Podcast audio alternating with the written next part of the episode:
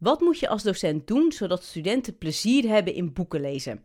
In deze Noordhof-podcast, Tussen Nu met BN'ers, praat ik, Nanda van Heteren, online met bekende Nederlanders. Die in de breedste zin van het woord een link hebben met de Nederlandse taal. Zodat hun kijk jou mogelijk helpt in je onderwijs of in je studie. In deze aflevering hoor je het verhaal van schrijver Raymond van der Klundert, ook wel bekend onder zijn pseudoniem Kluun. En je kent hem van de boeken als Komt de vrouw bij de dokter, Help, ik heb mijn vrouw zwanger gemaakt en Familieopstelling. Raymond, welkom. Um, in jouw voorstelvideo... Ja, graag gedaan. In je voorstelvideo die je hebt gemaakt voor deze podcastaflevering, vertel je enthousiast dat je tijdens het schrijven lol hebt met taal. Ja, waar, waar zit die lol dan in en hoe uit dat zich?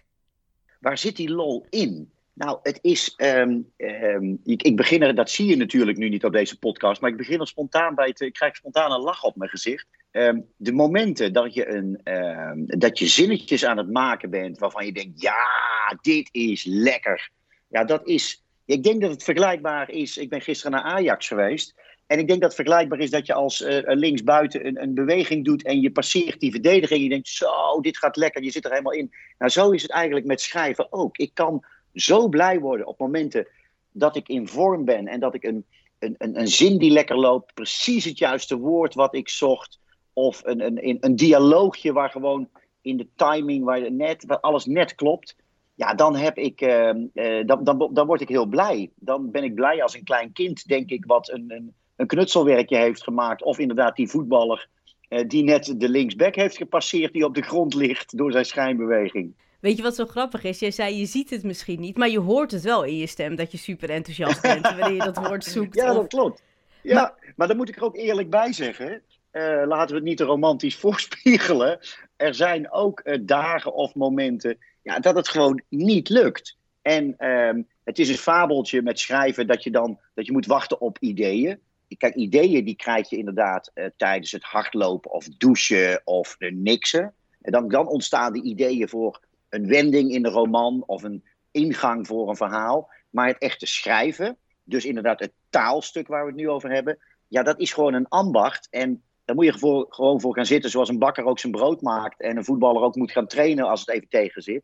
Maar er zijn dus ook wel dagen dat het niet lukt, of dat je eigenlijk niet precies weet, je weet, je weet wel wat je moet vertellen, maar het lukt je op een of andere manier niet hoe je het moet vertellen. En dat is uh, juist heel frustrerend. En wat dat betreft lijkt taal uh, en schrijven lijkt ja, gewoon, denk ik, op elk beroep. Ja, of het nou een verkoper is die gewoon merkt: wauw, ik ben in vorm, het lukt. Of hij merkt gewoon dat hij zichzelf dwars zit en daardoor ook zijn klant niet koopt. Een voetballer, een edelsmid, een bakker.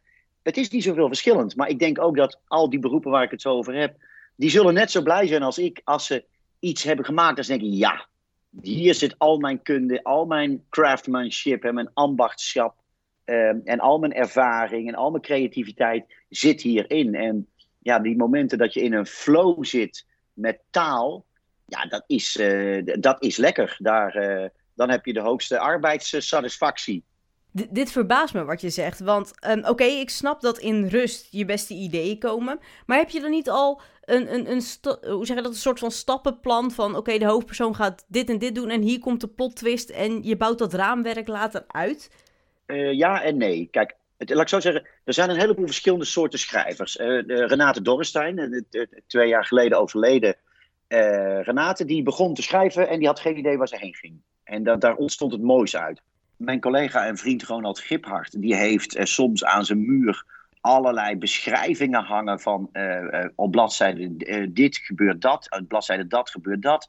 Uh, die heeft alle karakters en kledingstukken, uh, bij wijze van spreken, van zijn, uh, hoofd, van zijn personages, heeft hij opgeschreven in een soort war room. Um, en Herman Koch bijvoorbeeld, die begon um, zomerhuis met zwembad, geloof ik, met één zin. Ik ben dokter, of ik ben huisarts, dan mag ik even kwijt zijn. En daar ontstond iets uit. Nou, om op, op jouw vraag te antwoorden met een van mijn eigen romans. Ik heb een aantal jaar geleden DJ geschreven. Nou, dat is een plotgedreven roman. En um, ik wilde al heel lang een, een roman schrijven over de, uh, de DJ-wereld. Um, uh, als een soort metafoor voor deze tijd. Waarin roem het grote goed is. Roem is het belangrijkste wat we hebben. We willen allemaal likes, we willen erkenning, we willen podium. En uh, daar waar in de jaren tachtig, toen ik opgroeide, was het geld. Hè, en merken, status. En nu is roem is de nieuwe status. En ik, en een DJ, ja, die, die is denk ik daar het symbool van. Nog meer dan een rockartiest. En toen had ik, dat was, het, dat was mijn gedachte voor de roman. En toen kreeg ik op een gegeven moment een ingeving. Ik dacht, in de wereld van social media, wat zou er nou met je gebeuren als je ochtends wakker wordt? Je bent wereldberoemd, wat die DJ ook is. En ehm, de hele wereld weet al uh, wat jij nog niet weet. Er is een video op je, over je verschenen.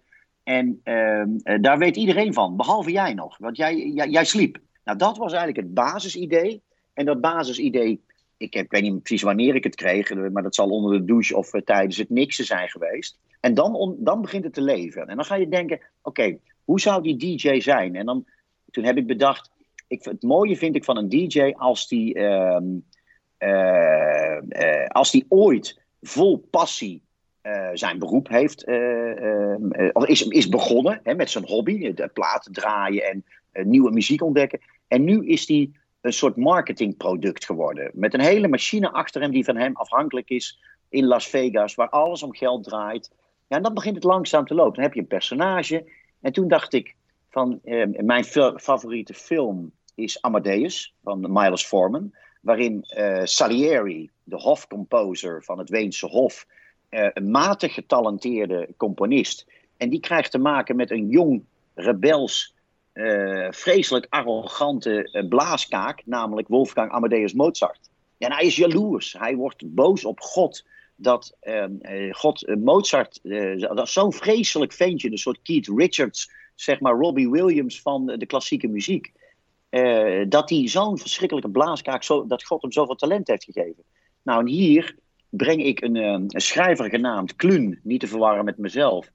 Uh, die, die, die geef ik de rol van Salieri. Dus die Kluun is eigenlijk een beetje jaloers. Hij is op het eind van zijn carrière, althans het lukt allemaal niet meer. En die gaat dan naar die superstar DJ, toch, want dat is een oude studievriend van hem. En gaat daar, probeert eigenlijk mee te liften op Tors succes. Nou, dat is de basis geweest van een roman. En dan gebeurt er van alles met plotwendingen. Uh, die ook tijdens de, het schrijven van de roman ontstaan. Dus sommige plotwendingen weet ik al. Maar het zou ook kunnen in de loop van het verhaal dat ze toch niet werken. Dus dat is eigenlijk het proces hoe het loopt. Sommige dingen weet je vooraf en andere dingen die ontstaan tijdens het schrijven. Ik, uh, ik ga trouwens morgen op vakantie. En ik heb het boek DJ van Kluun inderdaad ingepakt. Dus ik ga met hele andere oh, ogen, denk ik, het lezen dan, uh, dan vooraf uh, ik, uh, ik had gedacht. Ja. Superleuk, en, ja. Dan, en, dan wil, en, en, dan ga ik je nog iets vertellen. Um, ik heb natuurlijk in mijn boeken, heb ik een, in Komt de vrouw bij de dokter, de weduwnaar. En ook in familieopstelling heb ik een alter ego gecreëerd, Stijn. En Stijn mm. is een volledig uit de hand gelopen versie van mezelf. Dat was al in Komt de vrouw bij de dokter. En dat is ook um, nu in familieopstelling in um, DJ heb ik voor het eerst een kluun um, uh, opgevoerd. En um, Kluun die heeft, uh, in werkelijkheid heb ik drie dochters. Het staat ook op de achterkant van DJ, van jouw exemplaar wat je in je koffer hebt liggen. Maar in het boek heeft hij een zoon en een dochter. Nou, dat moet dan een indicatie zijn dat het niet allemaal klopt. En uh, ik ga jou niet het plot verklappen, maar ik laat ik zo zeggen. Ik ben blij dat ik niet zo slecht ben als de Kluun in, mijn, in mijn boek, in DJ. Want dat is echt een hele vreselijk onbetrouwbare egocentrische man die iedereen gebruikt. Um, maar het leuke is, een vriend van mij die zei een keer: waarom heb jij toch de behoefte om jezelf zo negatief neer te zetten? En dat is het leuke, zo gauw ik schrijver ben en ik, de, ik zit achter mijn laptop en ik trek de jas aan van Stijn, of in dat geval van DJ, van een half fictieve kluun, ja, dan, dan durf ik alles en vertel ik alles. En dan is het alsof ik mijn eigen universum creëer, waarin zelfs Kluun niet veilig is. Ja, en dat vind ik, uh, dat vind ik ongelooflijk leuk. Je bent toch een soort. Uh, je, kent, je weet dat chirurgen hebben wel een soort godsyndroom, hè? omdat ze over leven en dood gaan. Nou, in feite, ik ben dan ook een soort. Heb een soort godsyndroom. Dat ik, ik maak mijn eigen universum waarin zelfs Kluun en niemand er veilig is. En ja, dat is heerlijk, want dat gebeurt allemaal in mijn hoofd ja, de, en of het nou waar gebeurd is of niet, dat zeg ik ook altijd tijdens mijn workshops die ik geef. Het maakt niet uit of het waar gebeurd is. Elke seksscène, elke geweldscène, elke martelscène, hij komt wel uit jouw hoofd. Um, uh, je moet ook durven kwetsbaar te zijn. En dat dus aan de ene kant ben je God achter je notitieboekje of achter je laptop. En aan de andere kant ben je zo kwetsbaar, want ja, je, je, je vertrouwt je, je diepste zielenroerselen, je, van, je fantasieën, je frustraties, je boosheid, vertrouw je toe aan papier en daarmee aan jou als lezer die dit boek lekker op vakantie gaat lezen. Ja, en, en ik snap het wel, want oké, in, in een boek gooi je er natuurlijk een, een soort van kunstvorm over. Hè? Anders dan bij bijvoorbeeld een journalistiek artikel of een podcast of iets dergelijks. Maar het spanningsveld, daar ben ik dan zo benieuwd naar. Want bij Komt de Vrouw bij de Dokter, uh, dat heb je natuurlijk in meer of mindere mate zelf meegemaakt. Dat is deels autobiografisch. Hoe, hoe kies je dan van, oké, dit gedeelte uh, belicht ik wel heel goed... en dit gedeelte zet ik mezelf misschien iets negatiever weg... of in het geval van Stijn... Um, ik denk, je, ik, ik ben, het verhaal is leidend. En bij mij, uh, anders dan bij veel literaire schrijvers. Um, er is in, de, in de literatuur is, een, is een soort uh, adagium dat zegt: vorm is leidend uh, en verhaal is ondergeschikt. Um, en bij mij is het verhaal leidend. Dus als ik het nodig vind voor het verhaal. Nou, laat ik bijvoorbeeld Stijn in Komt de vrouw bij de dokter. en er is een gedeelte is autobiografisch. Namelijk, ik heb toen mijn vrouw ziek was, heb ik een verhouding gehad ehm, eh, met uh, Nathalie, met wie ik later ook getrouwd ben. Dat, dat is autobiografisch. Maar een gedeelte, ik heb Kluun, heb, of de Stijn heb ik een uit de hand gelopen versie gemaakt, zei ik al. En ik dacht van, wat zou nou het ergste? Carmen in het boek krijgt borstkanker. Dus ik heb Stijn een obsessie voor borsten gegeven omdat dat die clash zo mooi maakt. Nou, ik uh, ben een heteroseksuele man. Ik uh, ben zeker niet vies van borsten. Maar het is niet mijn enige gespreksonderwerp, dan wel interesseveld. En uh, Stijn, die, kan eigenlijk, die, die, die, die, die, die praat eigenlijk alleen maar over tieten en over voetbal. En dat maakt hem ook zo vreselijk. Daarom zijn mensen ook zo boos. Nou, op dat moment, en dat was ook wat ik wilde bereiken. Ik wilde bereiken met Komt de vrouw bij de dokter wilde ik, um, wat mijn vrouw Judith, die overleden is, ook in haar laatste week zei: ga er eens een boek over schrijven. Maar ik had nog nooit wat geschreven. Dus ik zei: ja, ik een boek schrijven, hoezo? Ik kan helemaal niet schrijven. Doe dat gewoon. Wat we allemaal mee hebben gemaakt tijdens mijn ziekte. En um, dus het, het, het, ik wilde een verhaal vertellen over de onmacht. Accepteren dat het leven dus niet maakbaar is. Waar twee dertigers in Amsterdam die een duur huis hebben en die naar de juiste restaurants, et cetera, gaan. En die op vakantie gaan waar ze willen. En die moeten ineens accepteren dat het leven niet maakbaar blijkt. Want uh, uh, Carmen heeft borstkanker. En ze komen in de wereld van de ziekenhuizen terecht. Tussen allerlei mensen waar ze eigenlijk nooit eh, bij dachten te horen. Namelijk oudere mensen die kaal zijn met een afgezette borst. En Carmen begint langzaam te wennen aan dat idee dat kanker haar leven heeft overgenomen. Maar Stijn tegen de klippen op wil die dat niet accepteren. Die wil niet accepteren dat zijn leven is ontploft. Nou, de gevoelens en de frustraties die Stijn heeft, waren die van mij ook. Maar ik zet hem extra aan om het verhaal nog steviger te maken en nog meer te laten doorvoelen door de lezer. Dus alles is dan ondergeschikt aan het verhaal, eh, ook de hoofdpersoon. En als de hoofdpersoon gebaseerd is op mij, dan ben ik dus daar ook aan ondergeschikt. En dat betekent inderdaad, zoals bij Komt de Vrouw bij de dokter, dat eh, de helft van Nederland mij afschuwelijke man vond. En nou, trouwens ook in Engeland, daar werd ik als een soort monster ge, afgeschilderd bij de eerste talkshow. Dat is de consequentie. En uh, uh, ik deins daar niet voor terug. Uh, ik, sterk, ik, kan, ik kan niet anders. Als ik schrijf, dan, wordt dat, eh, dan is het verhaal. Ja, het verhaal is eigenlijk een soort kind van mij, waar ik in de loop van het schrijven steeds meer van ga houden. En alles moet wijken voor dat kind. En um, als Klun, of Raymond van der Klun, in de weg staat, uh, ja, dan heeft hij pech. het verhaal is leidend. En ik ben dan op een gegeven moment echt ook verliefd op mijn verhaal.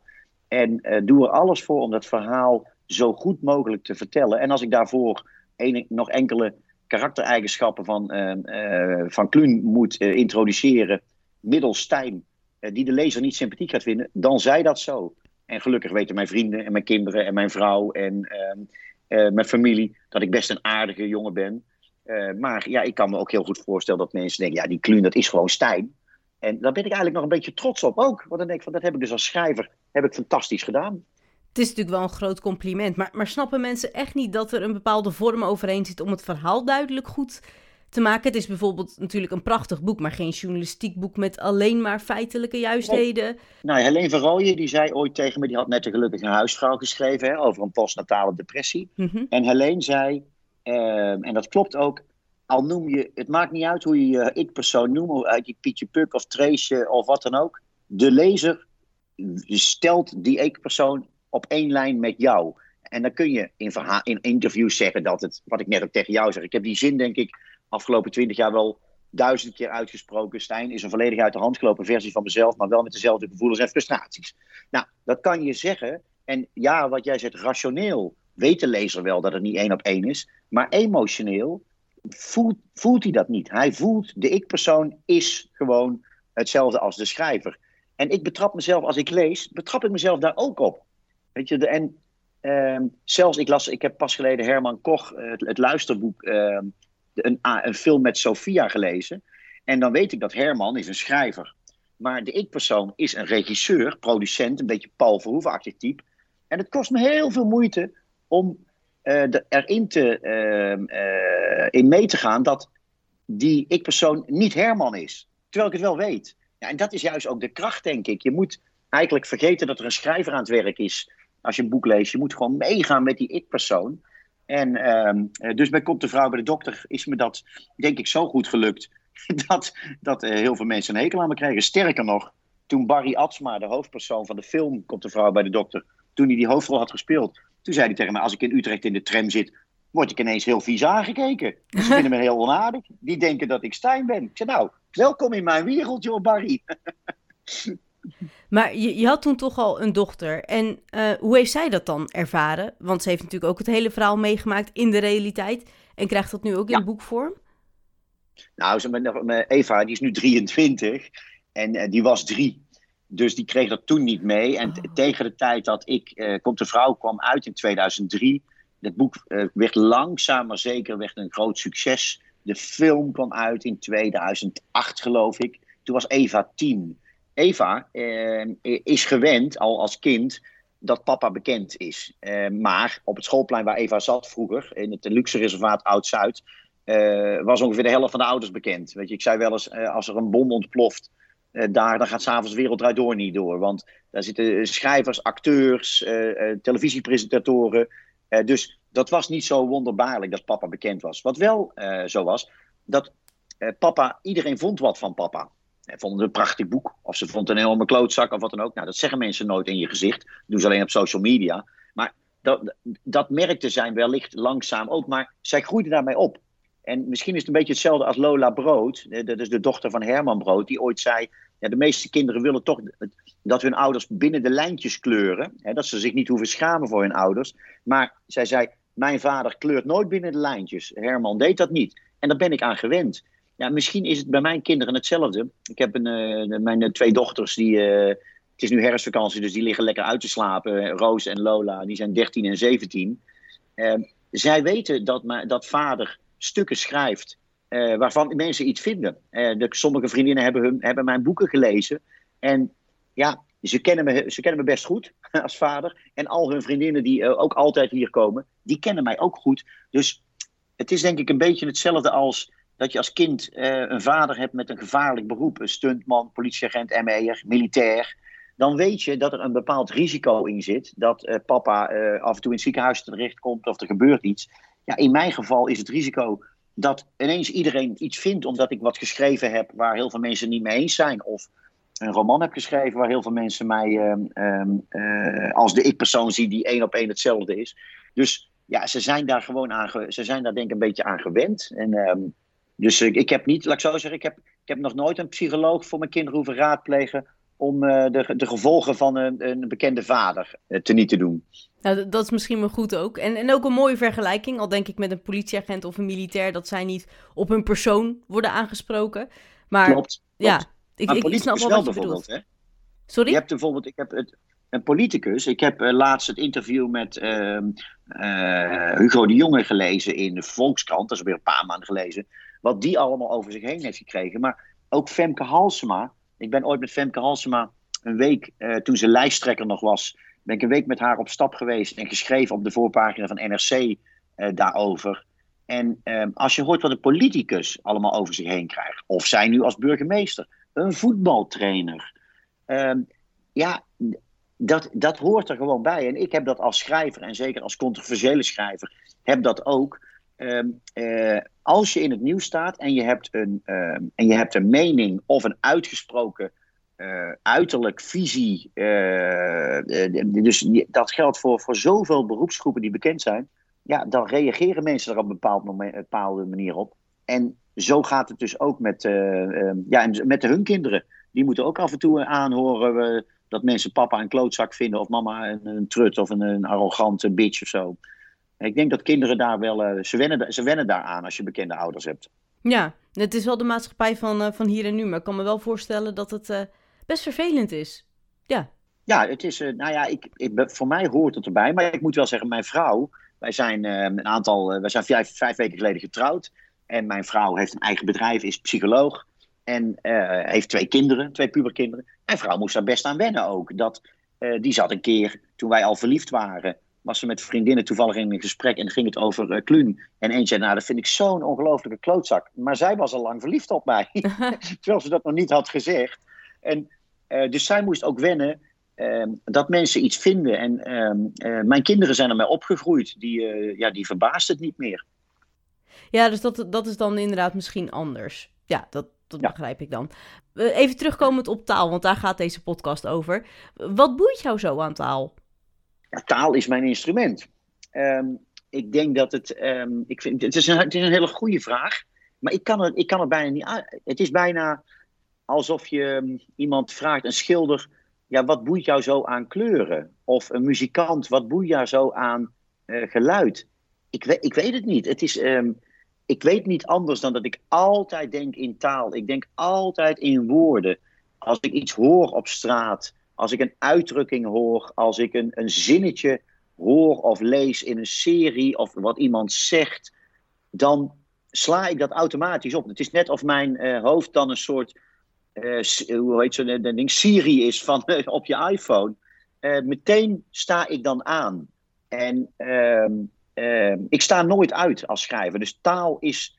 Ehm, het, ik, ik, ik heb geen blokkade om taal niet door te laten dringen tot, tot mij. En ik denk altijd hoe ik dingen uh, vertel, schrijf. Het, het, is een, het is een tweede natuur. Um, en het, ja, het is een, een, instrument wat ik niet kan uitzetten. Dus ik denk dat dat het is. Laat ik het dan misschien anders stellen. Wat is er zo leuk aan taal? Nou, wat ik leuk taal is uh, in principe, um, het is een on, het is een, het is een instrument wat, uh, wat iedereen heeft. En de een kan er beter mee omgaan, is verbaal of schriftelijk sterker dan de ander. Maar we, we weten allemaal wat taal is. En taal is een. Is een um, uh, kijk naar alle woordspelletjes die er zijn. Hè. heet het? Woord, ik weet nooit hoe ik het uitspreek. Woordfeut, woordfeut. en vroeger Scrabble. En um, galgje, al met woordjes, et cetera. En je hebt heel veel woord- en taalspelletjes. In taal zit humor. Dus ik ben uh, ik ben ook jaloers op muzikanten bijvoorbeeld. Dat je je gevoel in muziek kunt uitdrukken. Nou, dat kan ik niet. Maar ik kan dat wel in taal.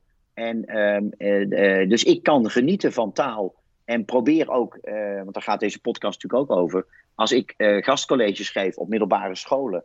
En, maar ook op lagere scholen. Dan gaan we spelen met taal. En gaan we leuke en gekke woorden in kranten zoeken. Gaan we de zin van de dag en het woord van de dag. Gaan we six-word stories, zinnen, verhalen van zes woorden bedenken. Um, en dus je kunt met taal zoveel leuks doen. En het valt mij altijd op. Um, iedereen is te enthousiasmeren over taal. En dat wil niet zeggen dat iedereen schrijver wordt of iedereen een verwoed lezer. Maar uh, iedereen kun je, op de, als je het op een goede manier doet, kun je enthousiast maken voor taal. En, um, uh, en of dat nou is op een gymnasium waar, waar Roos zit, Barlees gymnasium waar allemaal van die nerds zitten, of een VMBO ergens. Het lukt je als je maar zelf ook met passie daarover vertelt. En uh, ja, ik kan me heel goed voorstellen dat veel kinderen uh, dat die niks met romans hebben, niks met zo lang.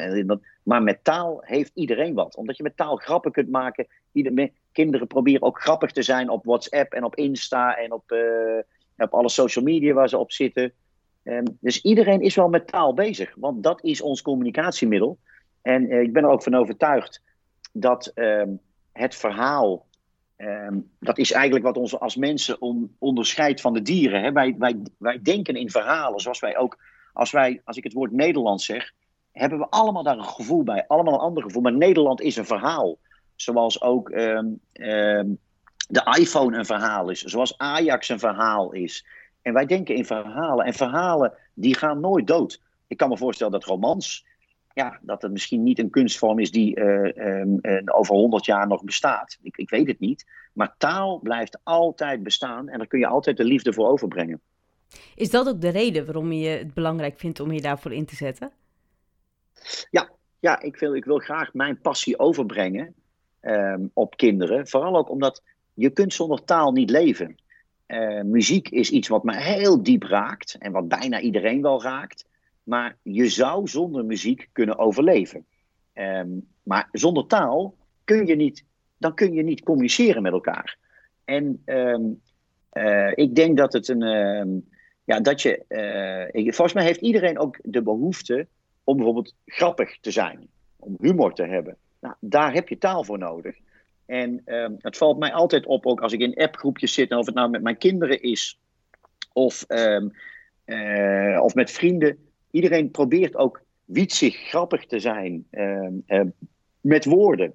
En uh, ja, dat, ik wil dat heel graag, ik wil dat heel graag uh, overbrengen op, op kinderen. Hoeveel leuks je met taal kunt doen. En ik wil ze duidelijk maken dat het helemaal niet zo is dat je boeken uit 1900 moet lezen van uh, 800 pagina's om van taal te genieten. Nee hoor, taal zit overal in. Taal zit in hip-hop, uh, Nederlandstalige hip-hop. Taal zit in liedjes.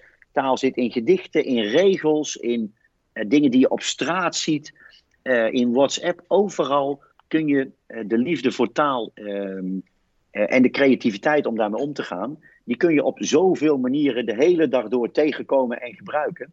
En um, uh, ja, ik, het, lukt, het lukt mij meestal wel om ze, om ze daarvoor te enthousiasmeren. Ik heb nog nooit gehad een gastcollege dat ze het saai vonden in ieder geval. Dat kan ik me voorstellen, want ik luister ook nu al een tijd naar je en ik denk, wauw, ik wil hier echt meer over weten. Je, je had het trouwens net nou, over, over lezen. Wat lees je zelf? Ik lees veel, uh, maar ik vind dat ik niet genoeg lees. Ik, er zijn ook schrijvers die lezen twee, drie uur per dag. Nou, ik niet, ik lees per dag, ik schrijf. En ik, uh, ik, ik doe heel veel luisterboeken. Um, ik, ik, ik, ik, loop hard en ik uh, fiets. En, dan, dus ik luister denk ik een, een boek per week of zo. Um, en op vakantie dan verslind ik boeken. Maar, um, uh, en ik lees, ja, ik lees bijna alles wat in Nederland uitkomt en in België. Van schrijvers die ik de moeite vind of waarvan ik wel benieuwd ben. Dus debutanten, boeken die goede recensies krijgen. klassiekers. En ja, dus ik, ik, ik, ik ben een veelvraat uh, als het om boeken gaat. Dus ik, ik, lees van alles. En ik heb natuurlijk wel een aantal favoriete schrijvers en uh, dingen. Maar het, waar ik het blijst van word, is van schrijvers die niet zo aan mooi schrijverij doen. Maar een verhaal kunnen vertellen. Dave Eggers ben ik bijvoorbeeld nu tot aan het nemen. Ehm, een verhaal kunnen vertellen waarin het niet per se nodig is om de schoonheid van alle woorden en zo te hebben. Maar om ja, om de, de, ja, de directheid, de, een verhaal vertellen wat je, wat je niet loslaat op een manier uh, waarbij de woorden ondergeschikt zijn aan het verhaal. Dus ik ik ben zelf niet iemand die per se van um, grotesk, wollig, barok taalgebruik houdt. Ik ben meer iemand van de, ja, meer toch de, de, de Amerikaanse school waar dingen. Nou ja, laat ik bijvoorbeeld een, ik ben nu pas aan het, uh, aan het, luisteren naar What is the What van Dave Eggers. Het boek is al, ik denk, 10, 15 jaar oud.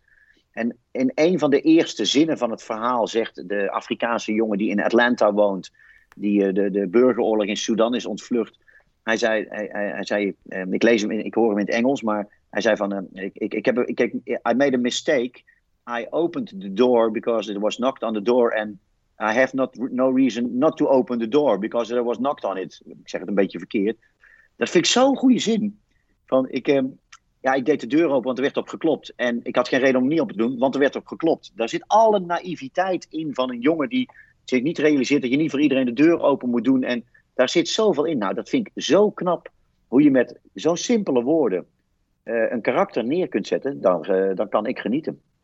Maar ik begrijp goed dat het vooral gaat over uh, boeken met een verhaal, fictie of iets dergelijks, maar niet een, een biografie, begrijp ik. Of Um... Ja, ook wel. Oké. Okay. Jawel, oh. ik ben... Zeker wel, zeker wel. Ik heb um, onlangs pas tot mijn schaamte voor het eerst de eeuw van mijn vader, van Geert Mak, uh, geluisterd. En um, ja, ik, vond, het fantastisch dat je gewoon meegenomen wordt in een, in, in, een, vlucht van 100 jaar uh, Nederland. Ehm, dus ik ook, en de, ik noem de, de meeste mensen deugen van Rutger Bregman. Ook prachtig, dat, raakte me ook enorm. Dus het is, niet, het is zeker niet beperkt tot, alleen maar, ehm, tot alleen maar fictie. Sterker nog, een roman moet echt, moet, zo, moet mij zo boeien. want anders dan stop ik na 20, 30 bladzijden. Ik lees, ik lees of luister gewoon niet als me het taalgebruik niet bevalt, hoe mooi het ook kan zijn. Of uh, ik, ja, ik, ik, ik heb niks met het verhaal of met de, met de, manier van verhaal vertellen van de schrijver, dan stop ik. Uh, ik heb, ik, ik, Gerbrand Bakker, collega van me, die heeft wel eens heel mooi gezegd. Uh, dan hij zei, ik heb soms wel eens, dan lees ik een roman en dan denk ik, schrijvertje, schrijvertje, wat heb je toch allemaal weer bedacht? En dat heb ik ook vaak, dat ik denk van, jeetjes, ik ga hier mijn tijd echt niet aan voldoen. Ik vind het een, niet echt een heel sterk idee of concept. Ik vind het um, misschien wel mooi geschreven, maar het raakt mij niet. En dan stop ik. En dan ga ik gewoon door met het volgende. Dus uh, um, en ik snap ook heel goed dat, dat uh, um, mensen, met name kinderen, ook zeggen: dan moet ik acht of tien uur van mijn tijd besteden aan een verhaal wat iemand verzonnen heeft. Nou, ik vind dat je als schrijver de plicht hebt, zoals jij een verhaal, uh, als jij een verhaal wil vertellen, waarvoor je acht of tien of twaalf uur van iemands leven vraagt, nou, it better be fucking good. En uh, mijn, uh, de grootste belediging die je aan mij kunt, uh, die mij kunt geven is, ja, ik ben halverwege gestopt met jouw boek.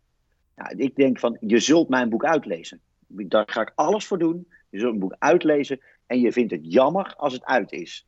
En anders heb ik mijn taak als schrijver niet gedaan. En dat lukt niet altijd, want sommige mensen houden niet van je stijl en dat, snap ik ook.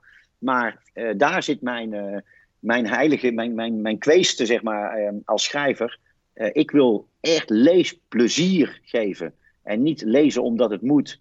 En uh, als je met, met plezier of met ontroering of met boosheid een boek van mij hebt gelezen, dan ben ik heel gelukkig.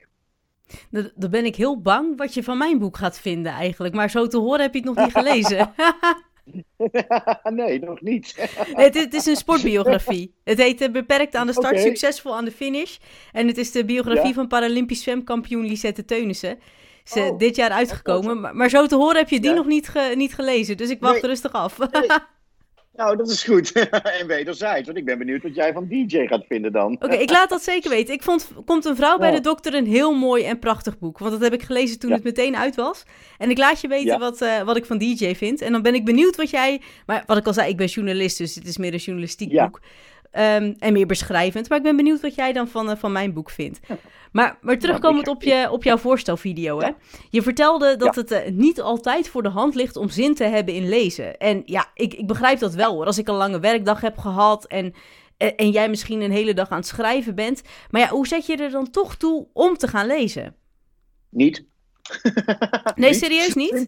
Nee, nee, nee. Ik eh, ben inderdaad ook als ik geschreven heb ik, zit nu weer, ik ben nu bezig met uh, Help. Ik heb een puber. Daar zit ik uh, dit uh, tot eind, nou ja, ik denk de eind voorjaar zit, ben ik daar vol mee bezig. En straks als ik met jou uitgepraat ben, dan ga ik weer schrijven daaraan. En dan ben ik vanavond om een uur of vijf, zes, zeven, stop ik. En dan heb ik echt geen zin om nog te gaan lezen. Sterker nog, ik soms de krant kan ik al bijna niet tot me nemen. Denk, die, die scan ik. En um, dus ik ben s'avonds ook, ik kijk liever hele goede een hele goede serie. Um, um, en dan is het ook, want je, je hersens, hè, dat is ook, daarom is lezen wel belangrijk, want je hersens worden gedwongen om zich beelden te vormen. Hè, dat, je traint je hersens. Maar dat betekent ook, als ik, een, ik zit nu helemaal in Succession, de Amerikaanse serie, wat ik echt niet fantastisch vind. Maar de beelden komen op je af. Je hoeft niet na te denken hoe de hoofdpersonen eruit zien, want je ziet ze. En um, dat, je kunt dus je veroorloven om iets luier te zijn, iets luier een verhaal te consumeren. Maar ik sta mezelf dat ook gewoon toe. Daarom zei ik ook tegen jou, ik lees, ik verslind boeken op vakanties. Nou heb ik best veel vakanties als schrijver, dus dat helpt. en luister ik heel veel boeken. Ik heb mezelf wel gedwongen, um, eigenlijk sinds een jaar, om als ik hard aan het hardlopen ben, en ik loop heel veel hard, dan uh, om niet naar muziek te luisteren, maar naar, naar boeken. Ook niet naar podcasts, maar naar boeken. Dus ik, lees, ik luister heel veel boeken. Ehm, maar nee, ik heb soms ook, ik heb geen zin soms om te lezen. En dan, uh, dan ga ik mezelf ook niet dwingen. Dan uh, ben ik ook gewoon lui. En ik snap dat heel goed. Dat mensen zeggen, ja, ik, ik kan me helemaal niet concentreren door het, uh, als ik op vakantie wel, maar dat mensen zeggen, ik kan me helemaal niet concentreren om s'avonds nog een boek te gaan lezen. En ik begrijp dat ook heel goed. En in je studententijd dan? Las je toen veel boeken?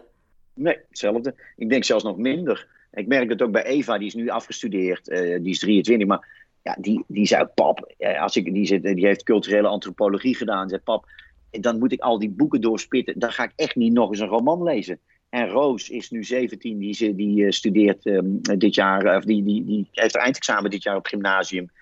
En die moet boeken lezen. Dat doet ze. En soms zegt ze van, wauw, ik vond dit zo goed. Maar die heeft ook boeken. Ja, die zei, uh, AFT van de Heide, Advocaat van de Hanen, is een van mijn favoriete boeken. Roos zei, nou, ik heb het geprobeerd. Ik kom er niet doorheen. Ik vind het moeilijk. Ik vind het, het boeit me niet. Ik, ik, ik, het, het, het, het, het trekt me helemaal niet. En um, ik zei, ja, schat, nou, dat snap ik. Dan ga je gewoon echt een ander boek lezen. Want omdat AFT van de Heide toevallig een van de beste schrijvers van Nederland is. En Advocaat van de Hanen een van de misschien tien beste boeken van de laatste dertig jaar. Wil niet zeggen dat jij het goed hoeft te vinden. Dat, je mag jezelf het recht geven om gewoon iets niet goed te vinden. Terwijl iedereen het wel goed vindt. Dat mag.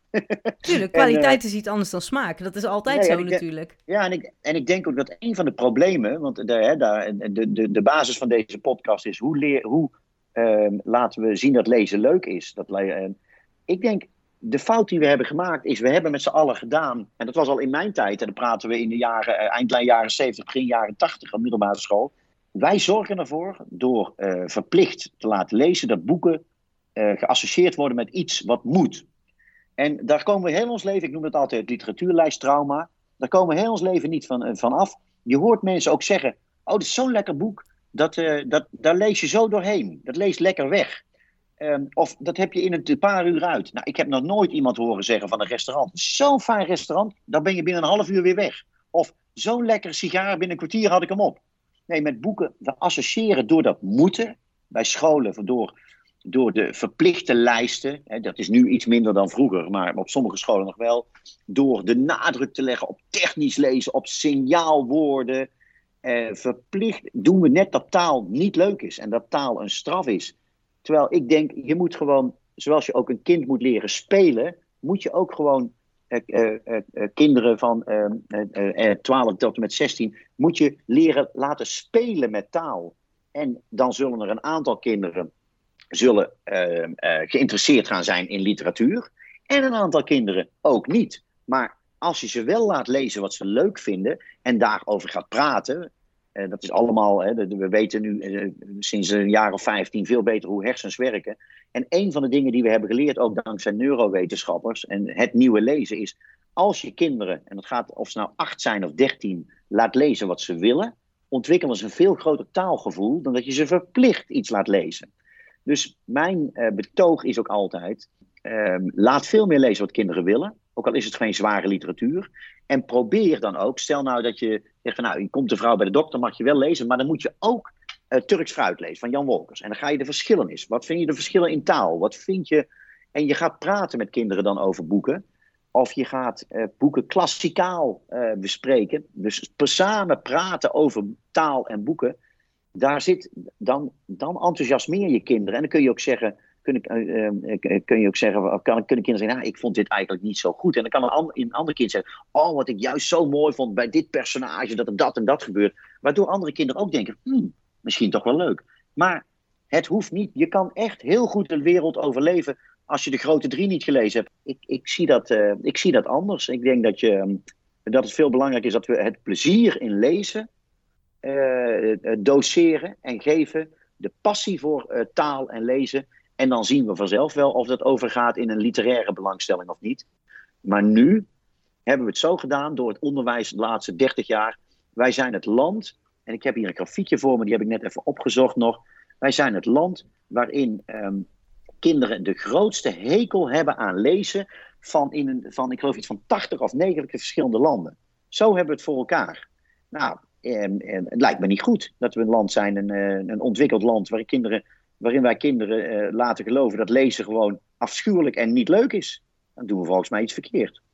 Ik vind het heel erg interessant. Laten we straks even terugkomen op, op het onderwijs zelf. En ik wil nu even naar ja. jou. uh, schooltijd toe. Want welke rol speelde taal en lezen bij jouw ontwikkeling? En hoe zag dat er dan uit? Nou, ik weet wel dat ik toen ik ehm, ehm, kind was op de basisschool dat ik echt, ja, ik denk, ik denk wel om de twee of drie dagen kwam ik in de bibliotheek. Ik was nog, nog steeds, ik ben 57, ik ben gek van voetbal. ik las alles over voetbal. Ik las echt elk boek over Willem van Hanegem, over Johan Cruijff. Ik las uh, jeugdboeken over voetballers. Uh, ik, ik verslond boeken. En in, mijn beleving is toen ik naar de middelbare school ging, en dan moest je gaan huiswerk maken. En ik was een beetje lui best wel. Ik, ik, was ik kon redelijk makkelijk studeren, maar ik was lui. Dus ik ging alleen voor de proefwerkweken heel hard leren. En de rest was ik alleen maar bezig met voetballen en uitgaan. Volgens mij is het, het plezier in lezen is toen langzaam een beetje weggegaan.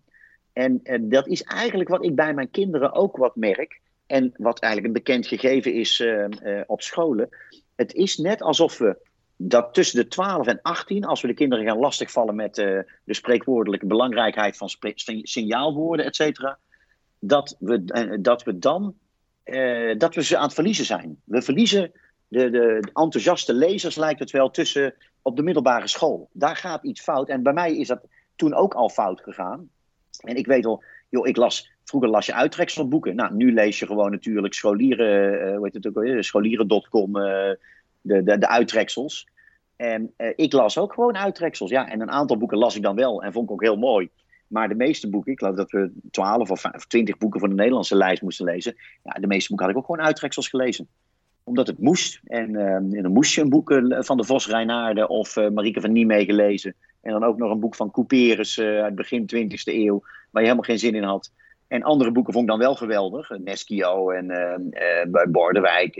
Ehm, maar het, ik had ook niet zo heel groot plezier in lezen. Terwijl dat jaren daarvoor, toen ik 10, 11, 12 was, wel zo was. En hoe is dat weer teruggekomen dan?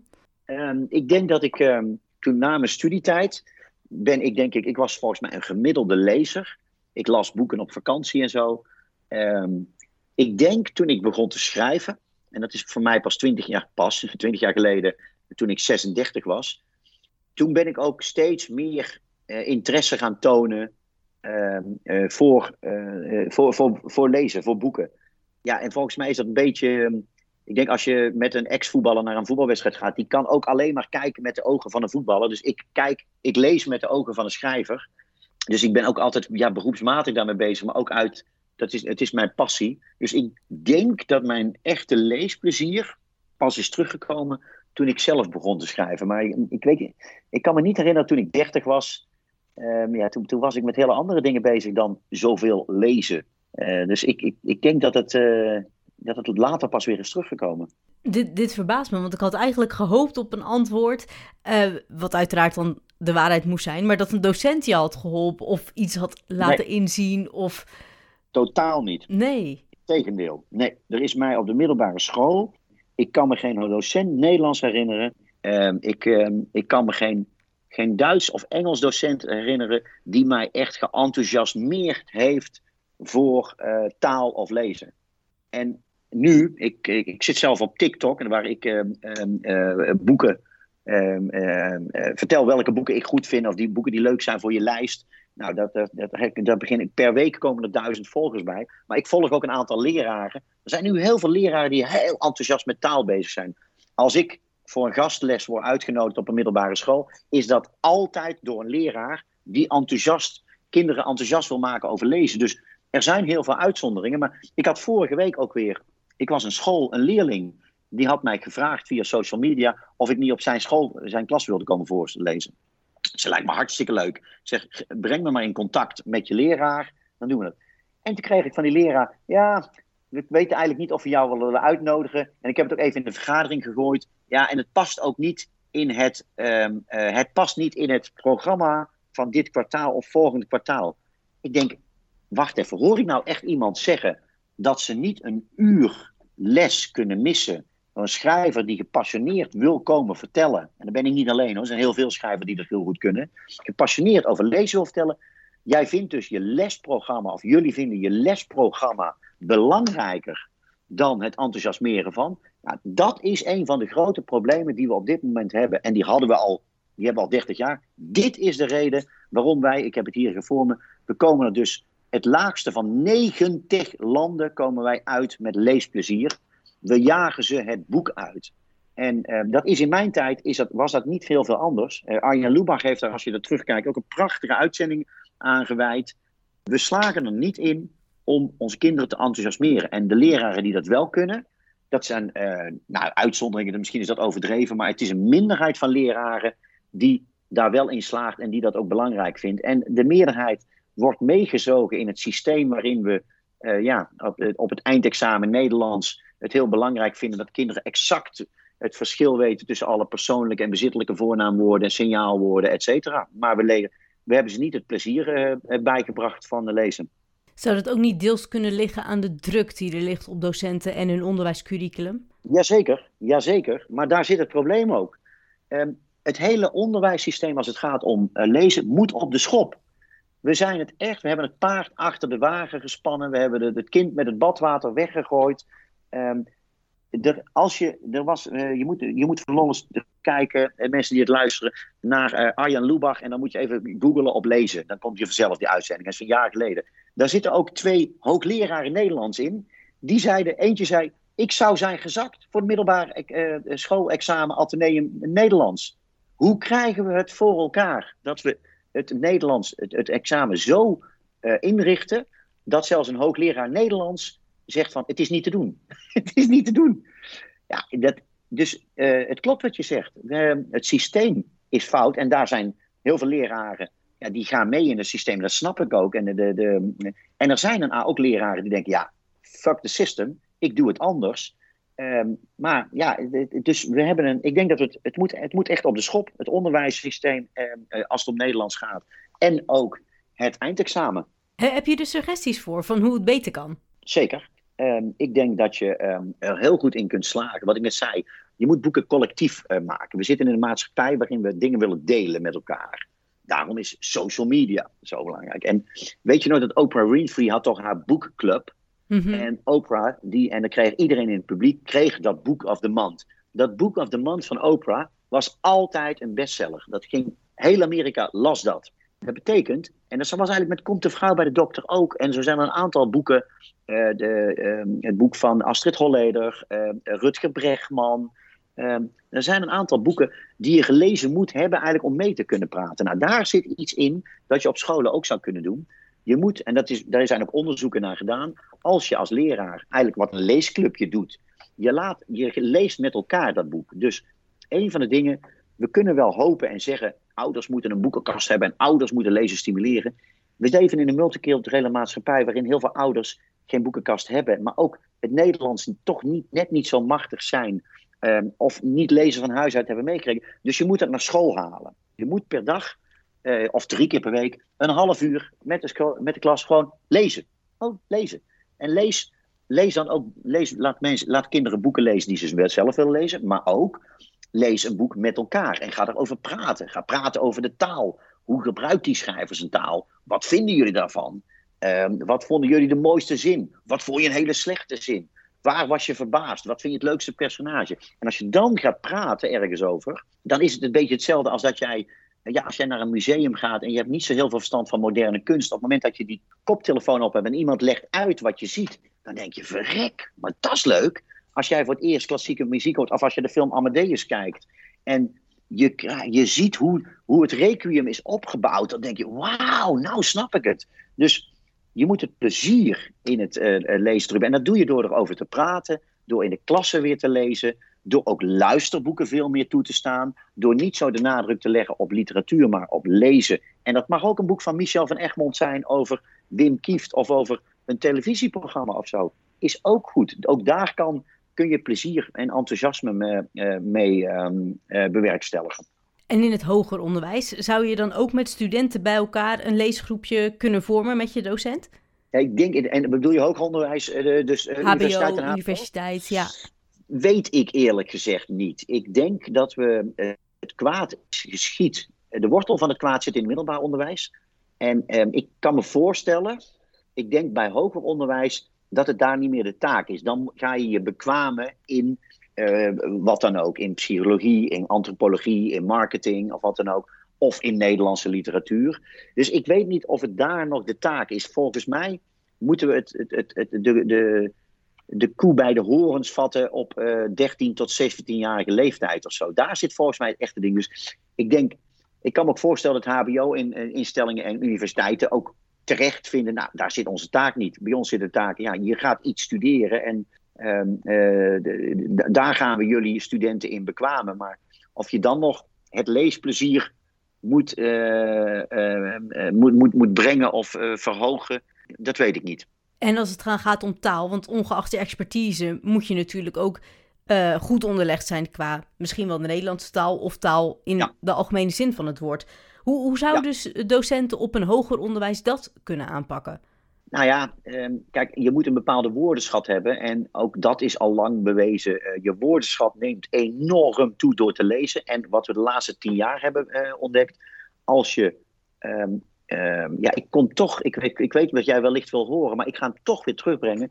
Als je kinderen hun woordenschat wil laten uitbreiden, dan moet je het op jongere leeftijd doen. En het blijkt dat als je ze in hun interesseniveau, en eventjes een clichématig, of het nou dinosaurus zijn, of uh, Messi, of uh, weet ik veel wat, iets wat een, wat een, een jong, een, een kind of interesseert, dan blijkt dat hij boven zijn niveau kan lezen, want dan gaat hij woorden vanzelf interpreteren. En uh, natuurlijk moet je, als je een academische opleiding volgt, moet je een grote woordenschat hebben. En dan leer je ook steeds meer woorden bij. En het valt mij ook, ja, volgens mij heb ik best wel een aardige woordenschat als, als schrijver. Um, als ik een, een, een, um, woorden zie die mijn dochter van 17 uh, eh, nog niet kent, dan denk ik van, oh verrek, wat grappig. Ik zou verwachten dat het woorden zijn die iedereen kent. Het woord uh, dédain of zo, dat soort de, de, woorden die best wel verrassend zijn, waarvan je denkt van, god, dat weten kinderen niet. En ik ik weet eerlijk gezegd niet zo goed. Ik heb er niet zo'n mening over. Misschien wil je iets anders horen. Maar ik heb er niet zo'n mening over hoe je dat in een, op een academische of een, eh, een HBO-opleiding eh, nog moet doen. Ik denk dat de interesse, ja, dat vind ik wel. De interesse om je woordenschat te vergroten. En het plezier ook om je woordenschat te vergroten. Dat zaadje moet eerder worden geplant. En als het zaadje is geplant, dan denk ik dat je dat vanzelf gaat doen en dat je het ook leuk vindt. Ik zoek elk woord, ik heb nog wel dagen, nou dagen, misschien wekelijks wel een woord dat ik denk, hé, hey, ik weet niet wat dat betekent. Ja, ik zoek het meteen op. Vroeger in de, in de dikke vandalen die hier achter me staat, nu op uh, gewoon uh, google ik het. Uh, maar ook Engelse woorden. Ik zoek altijd op, omdat het gewoon zo in mijn wezen zit. En misschien is dat zaadje van um, alles willen weten over taal, als je dat eerder plant bij kinderen, dat ze dat ook als student makkelijker hebben. En dat ze het zelfs leuk vinden als ze woorden tegenkomen eh, in hun vak, eh, in hun studie, die ze niet kennen. En dat ze denken, hé, hey, ik, heb een, ik, heb er een, ik heb er een nieuw woord bij. Een soort uh, one new word, word a day takes the, keeps the doctor away. dat gevoel. Ik vind het juist hartstikke leuk om jouw mening te horen. Ja. En ik vind het ook heel uh, verfrissend om te horen van... nee, het moet niet in het hoger onderwijs. Je moet het juist stimuleren in, nou ja, Hè, in, in de fase daarvoor. Dankjewel voor dit goede gesprek mag ik nog, ik, mag ik nog even een, een, een metafoor met voetbal gebruiken? Um, Johan Cruijff zei altijd, die heeft toen hij uh, trainer werd, die heeft meteen alle uh, tactiek bij kinderen, et cetera, heeft hij meteen allemaal uit het trainingsprogramma gehoord. Die zei, het hij zei, plezier met de bal hebben. Spelen, pingelen, wedstrijdjes spelen, daar leer je van. En pas later, en pas later, als kinderen op een hoger niveau zitten en je zit tegen een eerste elftal, dan ga je eh, bepaalde spelvormen en technieken ga je verder. Aan het begin alleen maar lol hebben met de bal. En ik denk, uh, nou ja, uh, het hele Ajax-opleidingssysteem is daarop gebaseerd. En ik denk dat dat ook voor lezen geldt. Eerst het plezier leren, eerst leren hoe leuk taal is. En dan komt vanzelf wel bij een, een, schrijver, een journalist zoals jij, bij een, een, iemand die een academische opleiding volgt. Dan komt vanzelf wel de behoefte bij een, een deel van de, van, de, van de mensen om je nog verder en verder in taal te bekwamen of je te interesseren voor taal. Zoals het ook bij muzikanten gebeurt en zo. Maar als het zaadje niet gelegd is, dan gaat dat niet, dan gaat dat niet ontstaan. Ik denk dat dit een prachtige metafoor is die ook inderdaad opgaat voor het lezen. Nogmaals, dankjewel voor dit boeiende gesprek. Nou, jij bedankt ook. Ik vond het leuk. Mooi, ik ook.